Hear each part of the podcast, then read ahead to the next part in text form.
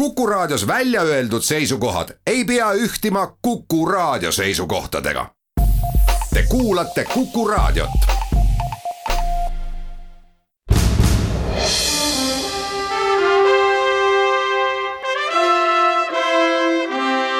vahetund Postimehega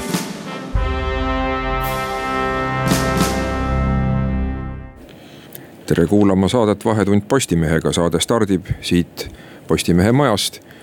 otsesaade, mina olen Postimehe peatoimetaja Mart Raudsaar, millest täna kõnelema räägime täna neljal erineval teemal.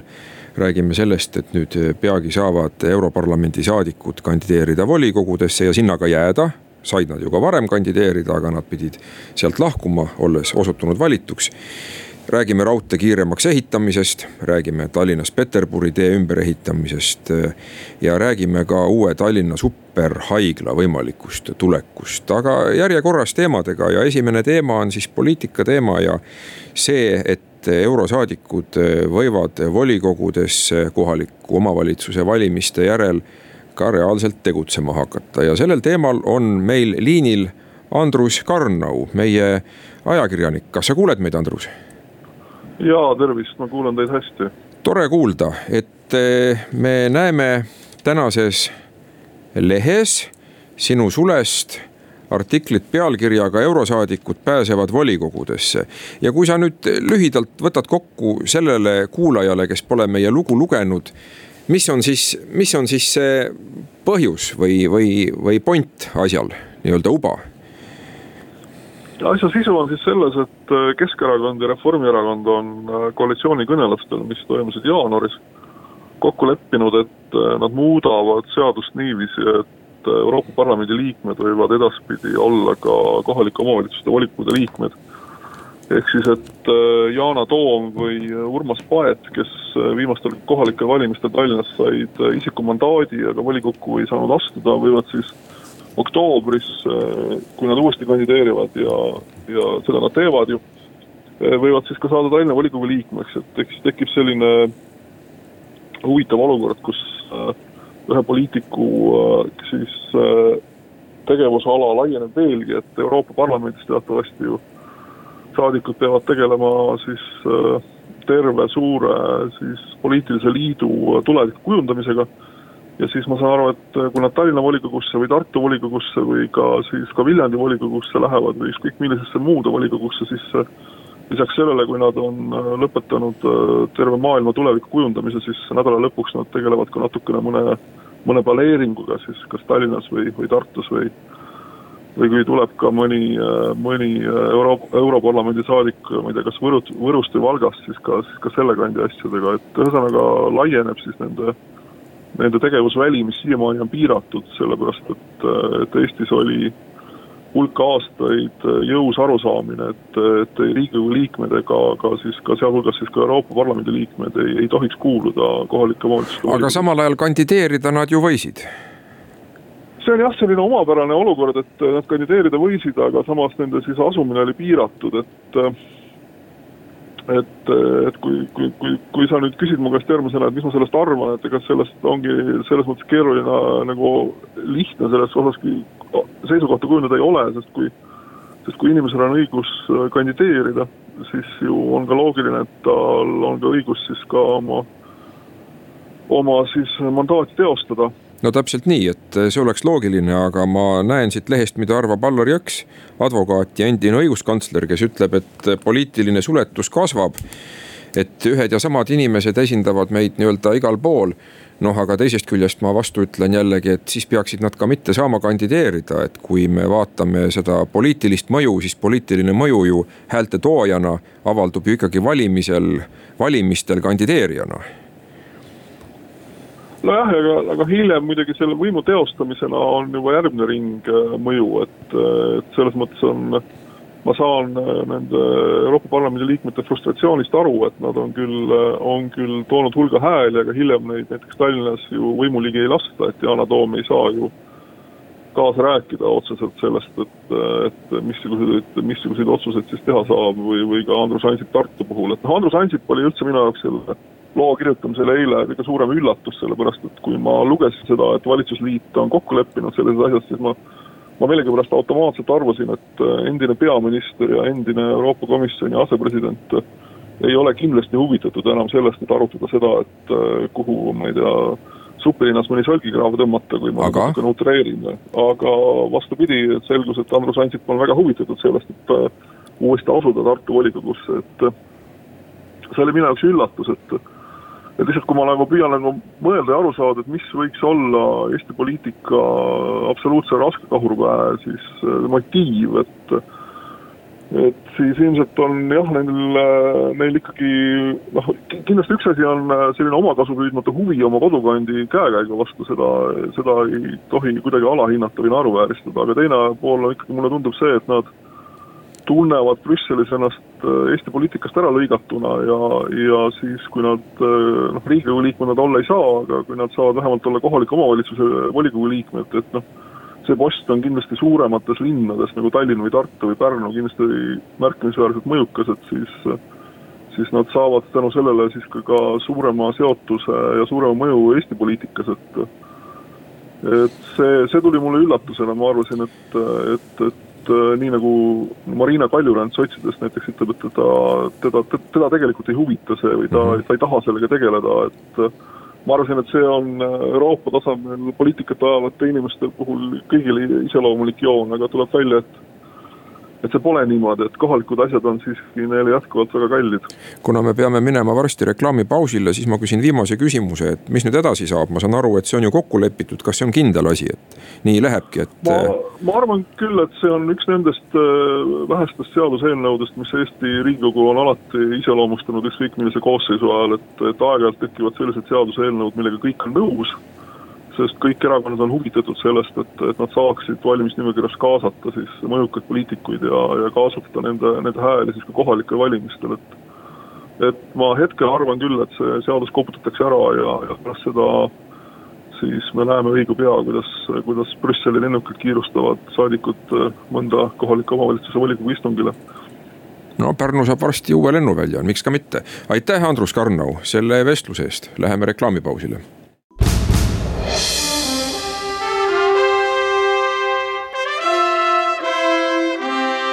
vahetund Postimehega.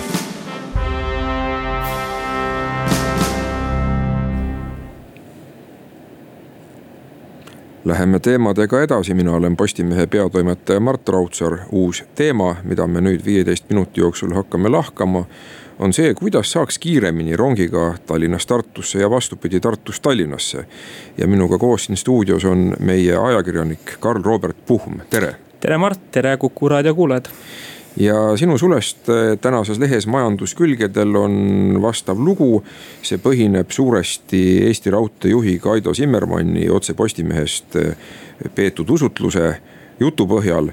ja seda juttu lugedes me näeme, et jätkuvalt on kava teha raudtee Tallinnast Tartusse kiiremaks. just, kava on jõus ja kui vahepeal siin oli juttu, et äh, uus valitsus hakkab suuri taristuinvesteeringuid kärpima, et siis see, see plaan pole muutunud pooleteist tunniga Tartusse saamine on jätkuvalt eesmärk. ja tuleneb see siis suuresti sellest, et erinevalt maanteedest siis Euroopa Liit on huvitatud, et selliste äh, rohepöörde, rohepööret edendavaid äh, projekte nagu ellu viia ja siis. kuna raha tuleb Euroopast, siis selle, selle projektiga on ikkagi soov veel jõudsalt edasi minna ja ma saan aru, et see ei juhtu üldse mitte kauges tulevikus. just, just, et äh, iseenesest praegu on päris ambitsioonikas äh, ajaraam paika pandud, et kahe tuhande kahekümne viienda aasta alguses võiks juba nende uute Škoda elektrirongidega, mis Eestisse jõuavad, saada Tallinna-Tartu vahel kiiresti liikuma et ka Kaido Zimmermann tõdes mulle intervjuus, et nii suurt või nii ambitsioonikat projekti nii lühikese aja jooksul ei ole Eesti Raudtee kunagi teinud, et saab olema päris suur väljakutse. siis ma saan täiesti aru, miks ei ole puhveti vaguneid, kuna selle aja jooksul sa ei jõuagi seal enam väga piisavalt istuda, kunagi pikalt ju rong sõitis, olid need suured Läti vagunid ja seal oli väga tähtis koht, roll puhvetil, kus inimesed istusid ja sõid või jõid natukene ja tundsid ennast hästi.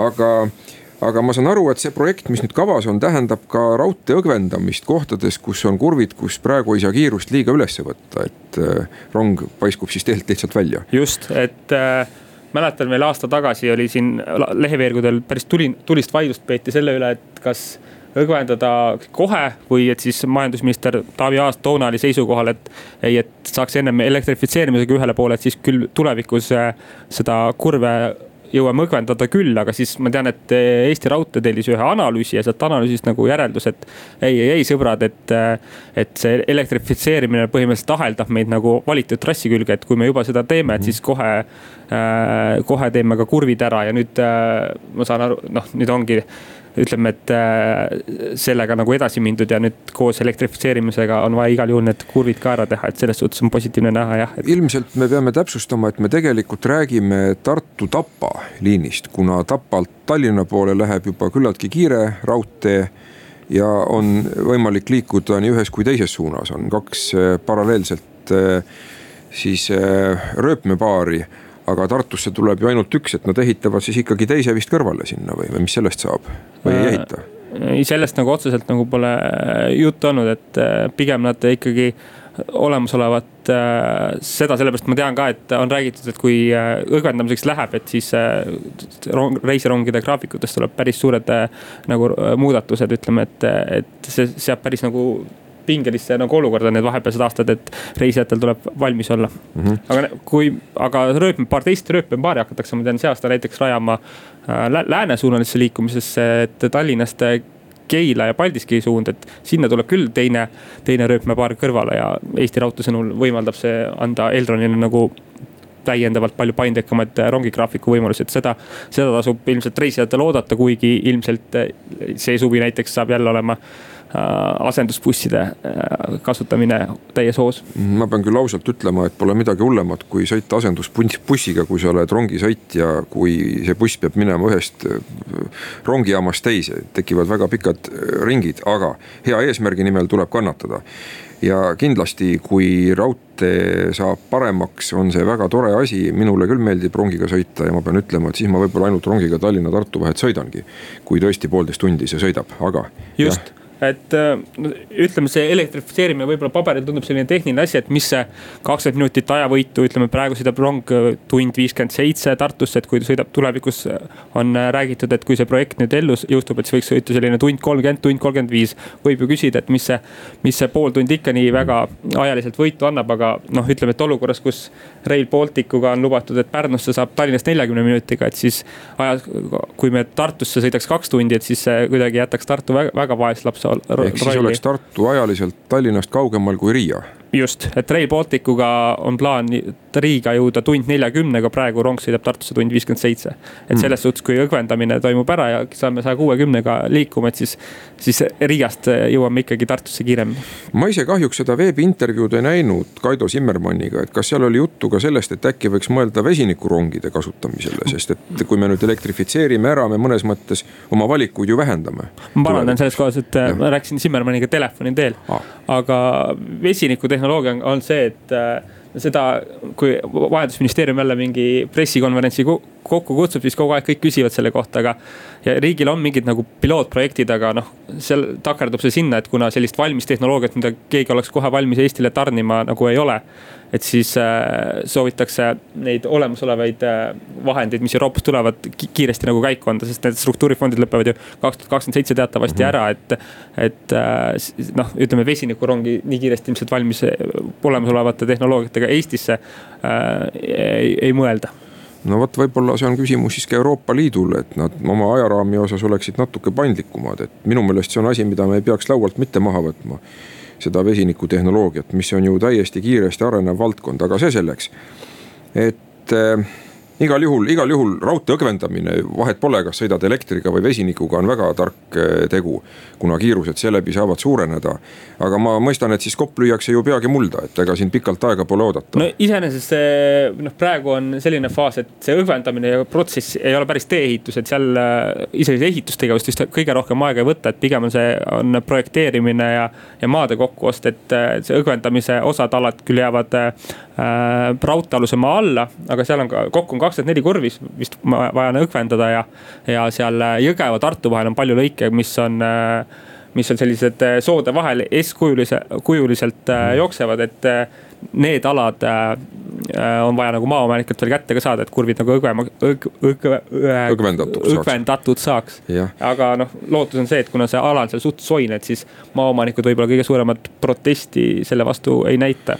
Ma ei saa ütlemata jätta ühte asja siin meie saateosa lõpus veel, et kui juhtub kuulama keegi siin äh, rongi rahva poolt või mobiiltelefonide firma poolt, siis palun tehke korda see asi, et saaks telefoniga rääkida nii, et ühendus ära ei kao peale Kehrat sõidul suunal Tallinnast Tartu poole, et seal on ikkagi väga pikad surnud alad. samamoodi Jõgevamaal, noh, me elame ju kahe tuhande kahekümne esimeses aastas, võiks saada rahulikult mobiiltelefoniga rääkida, internetti kasutada, aga vot võta näpust, ei saa olen sajaprotsendiliselt nõul, ka endal on olnud sarnaseid kogemusi, kus ütleme, et pilt lihtsalt hangub ära, kui tahad mingit otseülekannet vaadata. aga mis ma tahtsin veel lisada, miks see nagu mis paralleelselt on nagu hästi tähtis selle kiirema alaga on see, et, et oleks sealt rongijaamast, kui sa kohale Tartusse jõuad, kuhugi minna ja Tartus me teame väga hästi, et. et on igasugused mobiilsed lahendused, millega saab rongijaamast kiiresti edasi, et siis, siis ainult sellisel juhul seal oleks autodele eelis. Läheme nüüd reklaamipausile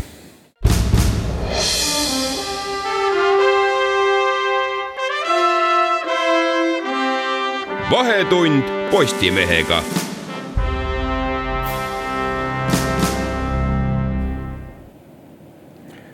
vahetame teemat. mina olen küll jätkuvalt Postimehe peatoimetaja Mart Raudsaar, aga nüüd on meiega liinil meie hea ajakirjanik Uwe Gnadentai. kuuled sa meid, Uwe? kuulen.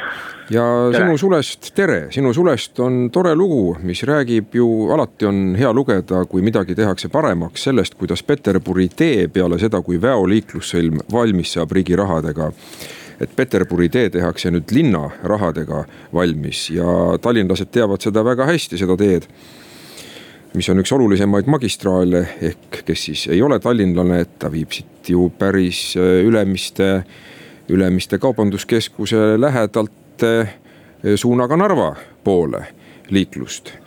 ja sa oled seda nüüd uurinud. plaanid tunduvad päris võimsad, kui sa nüüd lühidalt äh, kokku võtad need plaanid mõne lausega nendele, kes seda lugu lugenud ei ole. ma saan aru, et see tee saab päris uueks, tulevad kahetasandilised ristmikud ja puha. jah, algab see, see uuendamine siis eh, sealt, kust lennujaama trammiliin risti üle Peterburi tee alguse läheb ja siis kulgeb välja kuni selle sinase veoliiklussõlmeni, mis, mis nüüd saab kah. Iru, põhimõtteliselt Iru elektrijaamani. jah, jah sest sealt edasi on ju kuni Rakvereni lust ja lillepidu, et ainuke piinlik koht on, äh, ongi just äh, maantee algus äh, Tallinnas. ja siis noh, see võtab nüüd küll mitu aastat aega, aga, aga tehakse korda. noh, see Smuuli tee ja, ja Peterburi tee ristmik, noh, mis iseenesest on küll üks väga hästi toimiv ristmik, aga tuleb ikkagi ehitada mitmetasandiliseks sellepärast et sealt hakkab kulgema Tallinna väikeringtee noh, mis on täiesti omaette teema. ma saan ja aru, et seal tehakse tunnel vist lennujaama alt läbi, kava järgi, jah.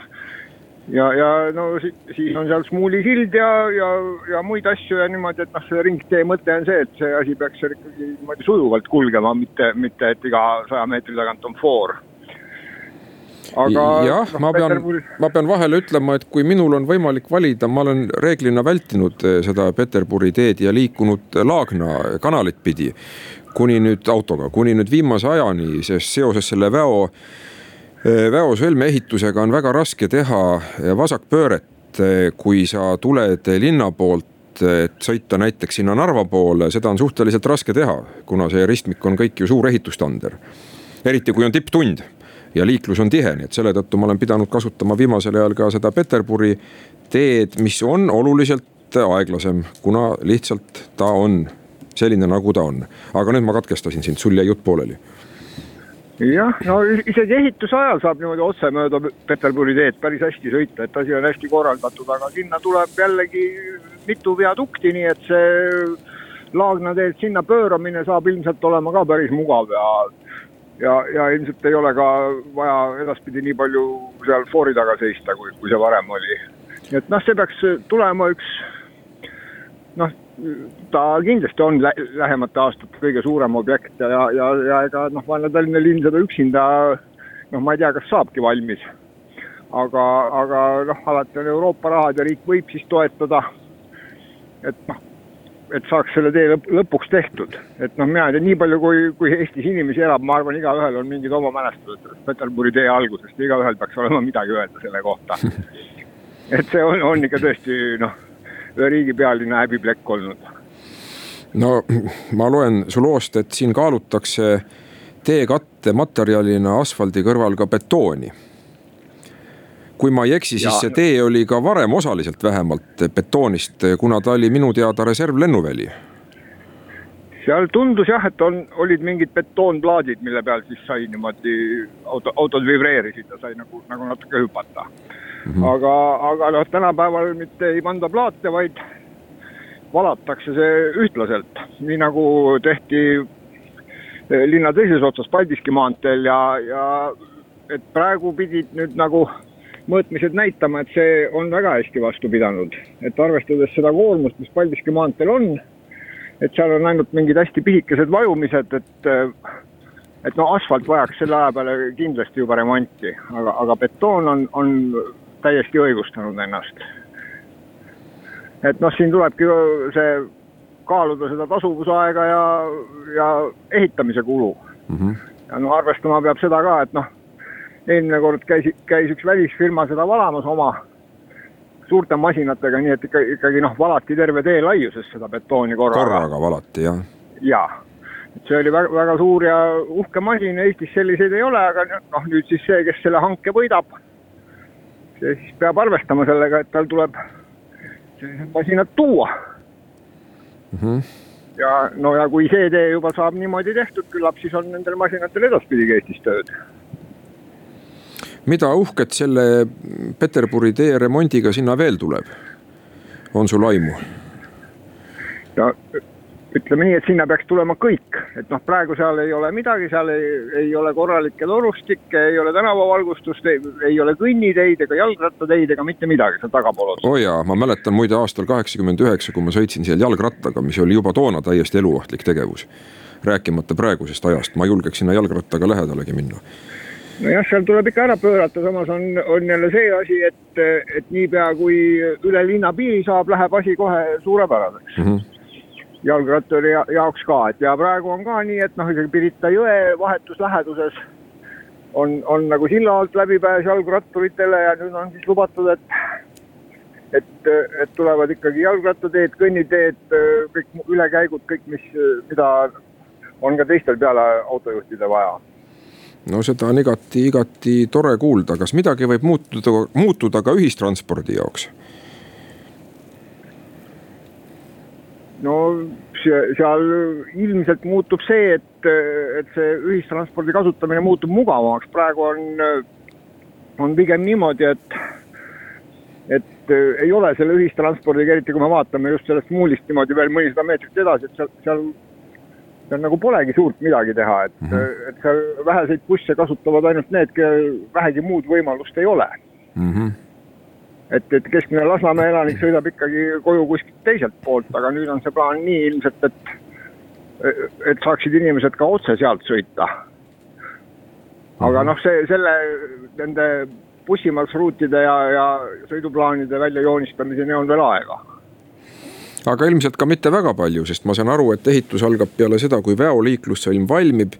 mis juhtub ju selle aasta lõppedes, ma saan aru, väoehitus on graafikus nii et eh, siis vist järgmisel aastal peaks juba pihta hakkama see no, Peterburi tee rekonstrueerimine. paremal ju, paremal juhul siis, kui see kevadine suurem tee-ehitushooaeg algab, et kui kõik väga kiiresti ei lähe, siis eh, hiljemalt sügisel, et noh, viimasel ajal kostabki nagu seda, et, et ei lähe asjad igasugu suuremate ehituste valdkonnas, mitte ainult Tallinnas, vaid ka mujal, et ei lähe nii kiiresti, kui tahaks ja alguses on planeeritud mm. -hmm. et väike, väike sihuke vahe tuleb ikka sisse, aga et noh, sügisel peaks siis nagu olema ja kui, kui tuleb sinna mingi euroraha ka, siis see seab jälle omakorda tähtajad. nii et küllap järgmisel aastal algab. No selge, ootame siis huviga seda, mis järgmisel aastal juhtuma hakkab ja igal juhul on ju rõõm see, kui see tee muutub paremini ja kiiremini läbitavaks erinevate liiklejate jaoks, niisiis ka ratturite jaoks ja ka nende jaoks, kes kasutavad ühistransporti aga aitäh, Uwe, selle jutuajamise eest ja soovin sulle jõudu, et sa jälgiks siis tähelepanelikult edasi neid arenguid, mis siin Tallinna linnas meil toimuvad.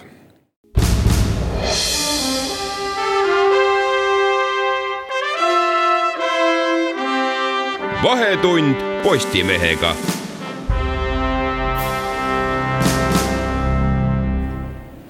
Ja alustab Vahetunni Postimehega viimane veerandtund, mina olen Postimehe peatoimetaja Mart Raudsaar. võtame uue teema. Ja see teema on Tallinna uue suure keskhaigla, võiks öelda isegi superhaigla ehitamine. Ja sel teemal on minuga koos siin stuudios arutlemas Kadri Tammepuu, meie hea ajakirjanik, tere. tere päevast ja ilmus ju uues Postimehes lehekülg kuusteist, seitseteist suur lugu mis käsitleb seda väga erinevatest aspektidest. võtame lühidalt kokku kuulaja jaoks, et eh, praegu on meil suuri haiglaid erinevates Tallinna piirkondades, Lääne-Tallinna Keskhaigla, Ida-Tallinna Keskhaigla. mis on ju ka omakorda koondumiste tulemused, aga nüüd siis tahetakse see kõik kokku viia veel ühte superhaiglasse.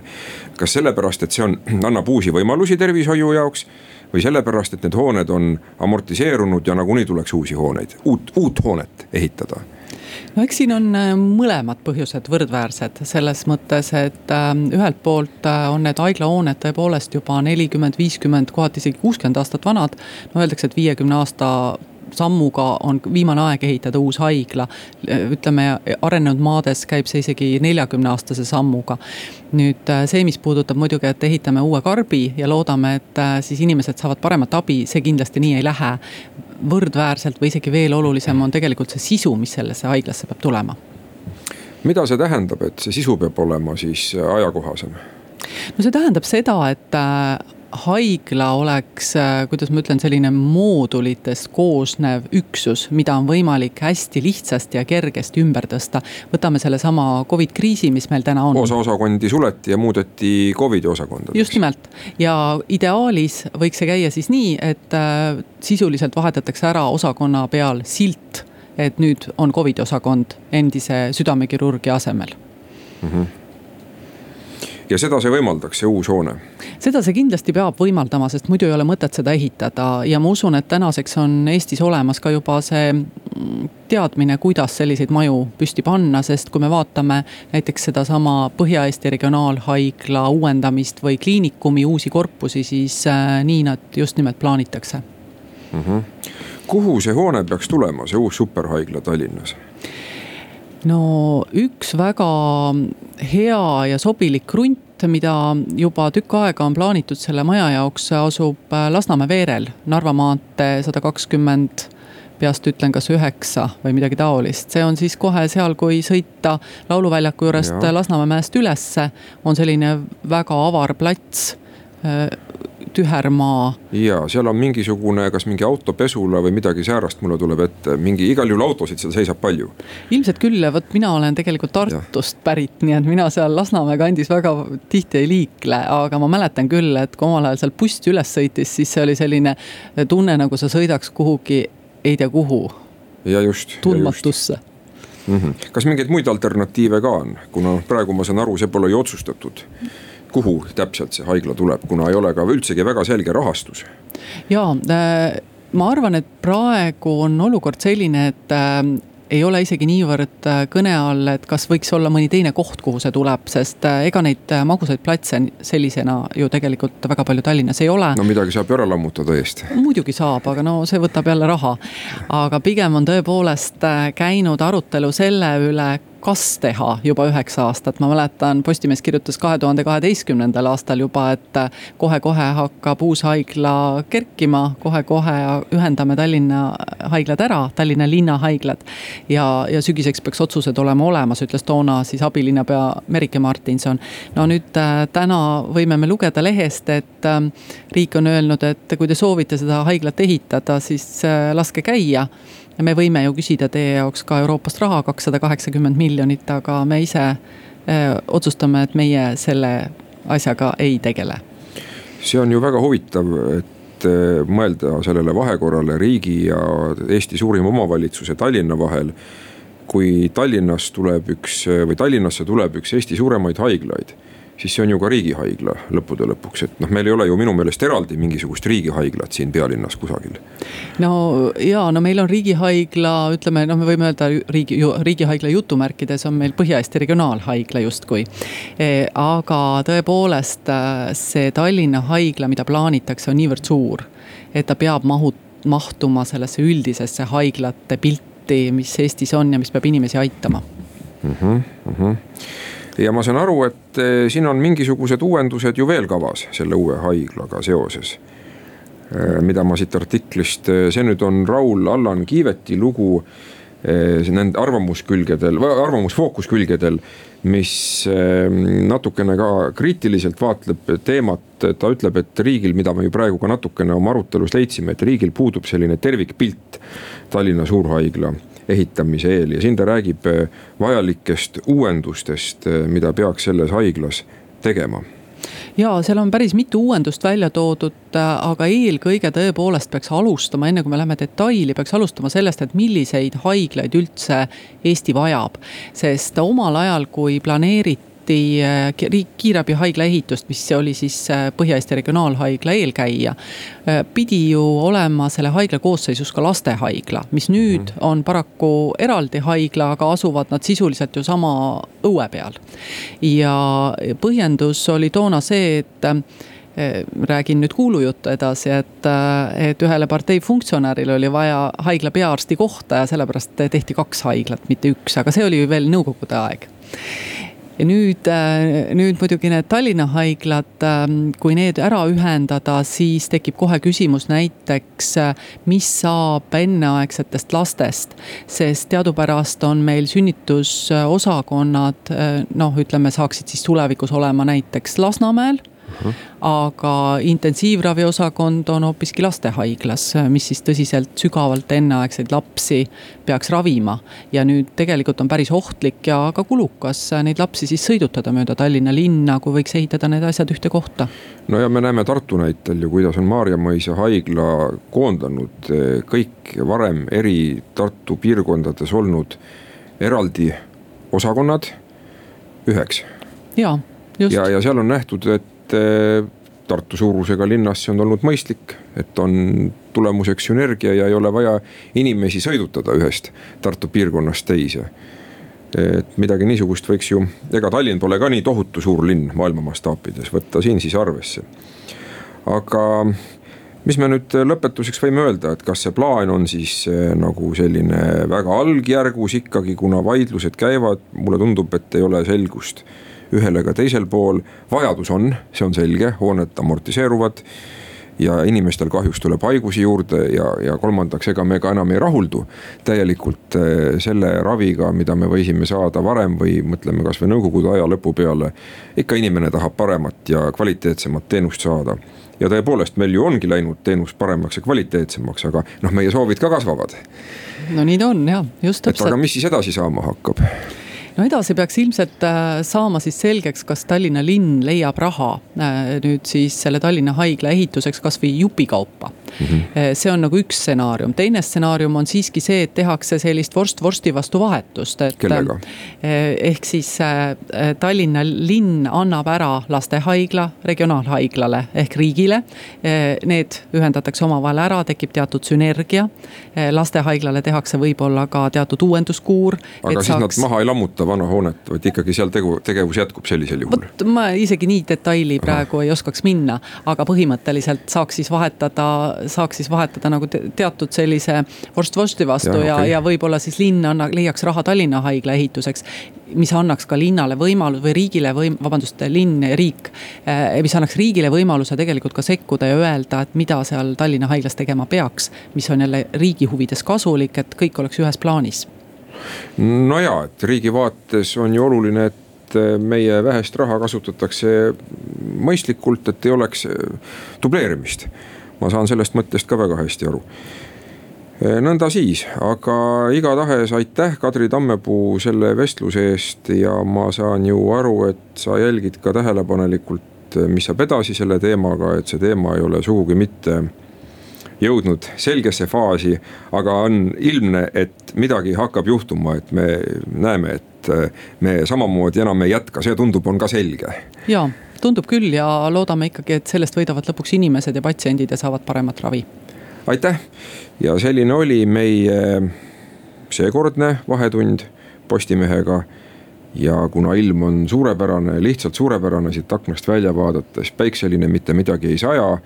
siis no kuulge, kasutage võimalust, käige rannas, kui vähegi päev lubab, jalutage, sõitke rattaga, tundke rõõmu sellest suurepärasest ilmast, mis meil on. see on ka väga tervislik, parem on haigusi ennetada, kui ravida. kõike paremat teile